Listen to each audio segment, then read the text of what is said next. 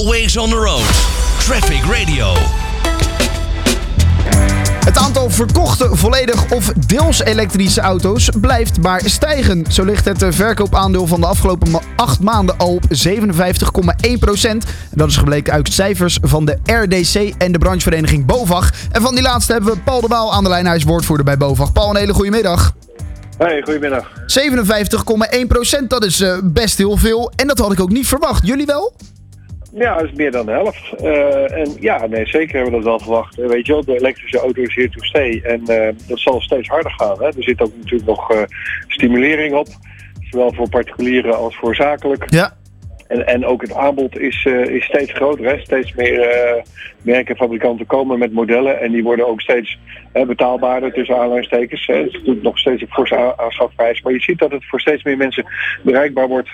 Eh, en fabrikanten hebben ook voorrang gegeven aan eh, elektrische auto's bij de productie. Hè, waar ze toch wel eh, productieproblemen hebben met chiptekorten. Mhm. Hebben ze vaak voorrang gegeven aan die elektrische auto's. Die zijn ook vaak beter leverbaar dan de conventionele modellen.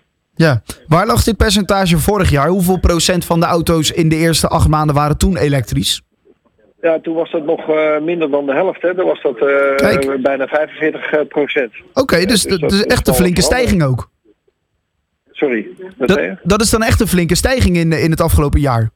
Ja, ja, ja. En je ziet ook bij, eh, bij occasions eh, dat dat ook in de plus gaat. Hè. Dat, eh, daar hebben we ook ten opzichte van vorig jaar hebben we bijna de helft meer elektrische occasions verkocht. Dus ook die gebruikte automarkt die komt langzaam op gang. Hè. Voor een gebruikte automarkt heb je natuurlijk eerst een nieuwe automarkt nodig. En die auto's worden dan na 4, 5 jaar occasion. Maar ook dat begint langzaam maar zeker aan te trekken. En wat daarbij ook helpt is dat er natuurlijk ook een subsidie zit op gebruikte elektrische auto's. Dat potje is wel eens wel leeg, maar vanaf volgend jaar is, is daar ook weer geld voor beschikbaar. Dus dat helpt allemaal om eh, de elektrische auto eh, eh, op te stoten in de vaart en voorkeur. Ja. Wanneer verwacht jij dat we deze kentering ook echt op straat kunnen gaan zien? Want nu is 57,1% van de verkochte auto's eh, elektrisch. Maar dat betekent dat het nog wel eventjes duurt. Sowieso, er zit natuurlijk een levertijd op. betekent nog wel dat het even gaat duren voordat we die kentering ook echt in het straatbeeld gaan zien, hè? Ja, kijk, je ziet ze natuurlijk overal, alleen ze zijn nog lang niet in de meerderheid. Nee. Er rijden er een paar honderdduizend rond in Nederland eh, op 9 miljoen auto's. Eh, en, en auto's gaan eh, weet je, 15, 17 jaar mee. Eh, en dat is ook duurzaam, hè, als je lang met een product doet. Dus het is niet zo dat, hè, wat sommige believers, zoals wij ze wel noemen, dat binnen een paar jaar iedereen elektrisch rijdt. Dat, dat kan helemaal niet, fysiek niet, qua productiecapaciteit niet. Nee. Dus voordat al 9 miljoen auto's elektrisch zijn, dan zijn we echt wel een klap verder. Dat zal echt rond de 2050 of verder zijn. Maar het gaat best hard en het gaat steeds harder. Dat zal je zien. Maar over, over een jaar of drie, vier, vijf, dan rijden er nog steeds eh 8 miljoen of 7 miljoen ergens in die buurt eh, conventionele diesel- en benzineauto's rond. En dat moeten we natuurlijk niet vergeten. De- Nee. de- dus eh, ik las een interview in het AD eh, waar, waar geconcludeerd werd dat over een paar jaar de benzine- en de dieselauto een rariteit is. Nou, dat, dat is echt niet zo. Eh, daar, daar rijden echt nog vele miljoenen van rond en dat duurt ook nog wel eventjes. Maar goed, de elektrische auto komt eraan. En die gaat eh, op termijn echt alles vervangen. Vanaf 2035 mogen er geen conventionele brandstofmotoren eh, meer verkocht worden Nee. Eh, bij personenauto's. Dus eh, ja, dan, vanaf dan zal het natuurlijk nog extra hard gaan. En, en hoe- hoeveel invloed heeft dat, denk jij, die wet, die regel, dat vanaf 2035 er geen eh, benzine- en dieselauto's meer verkocht mogen worden, op het aanschaffen op dit moment al? Of is dat nog eigenlijk te vroeg om te zeggen dat dat nu al invloed heeft? Het- dat- heeft nog niet zoveel invloed. Dat komt wel. Wat de grootste invloed heeft, is, zijn de eisen die de Europese regels stellen aan de uitstoot van wat autofabrikanten verkopen per jaar. Eh, en dat, dat mag steeds minder CO2 zijn. Over de hele vloot die zij in heel Europa verkopen. Ja. Zij moeten wel elektrische en hybride auto's eh, bouwen om aan die CO2-norm te voldoen. Dat is eigenlijk de grootste trigger.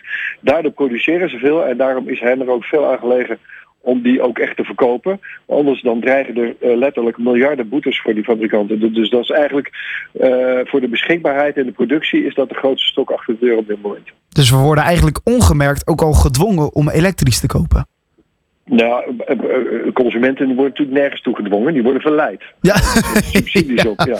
ja dat is Dus waar. jij kan Ja, nog dat is steeds, waar. als jij een benzineauto wil kopen, of zelfs als je een diesel wil kopen, dan staat je vrij. Dus niemand die je stroombreed in de weg legt. Nee, ja. Voor diesels heb je natuurlijk wel wat milieuzones, maar verder word je nergens toe gedwongen. Nee. En- Maar je wordt wel verleid. En eh, wij hebben er ook voor gepleit, gegeven al die eisen die er aankomen en gegeven de CO2-doelstellingen, dat dat verleiden ook nog wel even door moet gaan.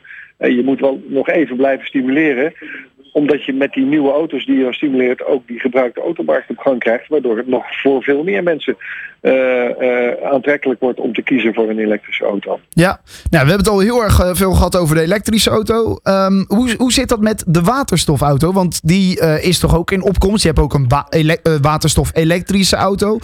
Zijn, zijn daar ook al wat cijfers van? Die zullen lang niet zo hoog zijn als die 57,1 procent. heb, heb je daar iets, iets van informatie voor ons?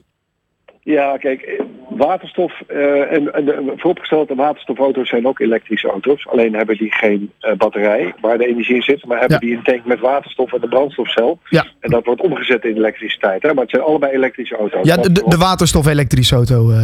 Ja, precies. Ja. En ja, er zijn niet zo heel veel persoonautofabrikanten mee bezig. Veel meer truckfabrikanten. Dus wij verwachten vooral in de truckwereld voor de lange afstand transport. Daar verwachten we dat waterstof echt een ding wordt. Bij personenauto's eh, valt dat nog te bezien. En, en, en nu kan je ze nog eh, bij wijze van spreken op de vingers van één hand eh, tellen. En dat, dat, is nog, dat is nog niet heel veel. Maar voor, voor groter vervoer speelt dat al een rol en zal dat een, in de toekomst verwachten wij nog een veel grotere rol gaan spelen. Exact. Maar zoals je het interview al begon, de elektrische auto is here to stay. Ja, ben er maar aan. Ja. Precies, oké. Dankjewel, Paul de Waal, woordvoerder bij BOVAG. Always on the road. Traffic Radio.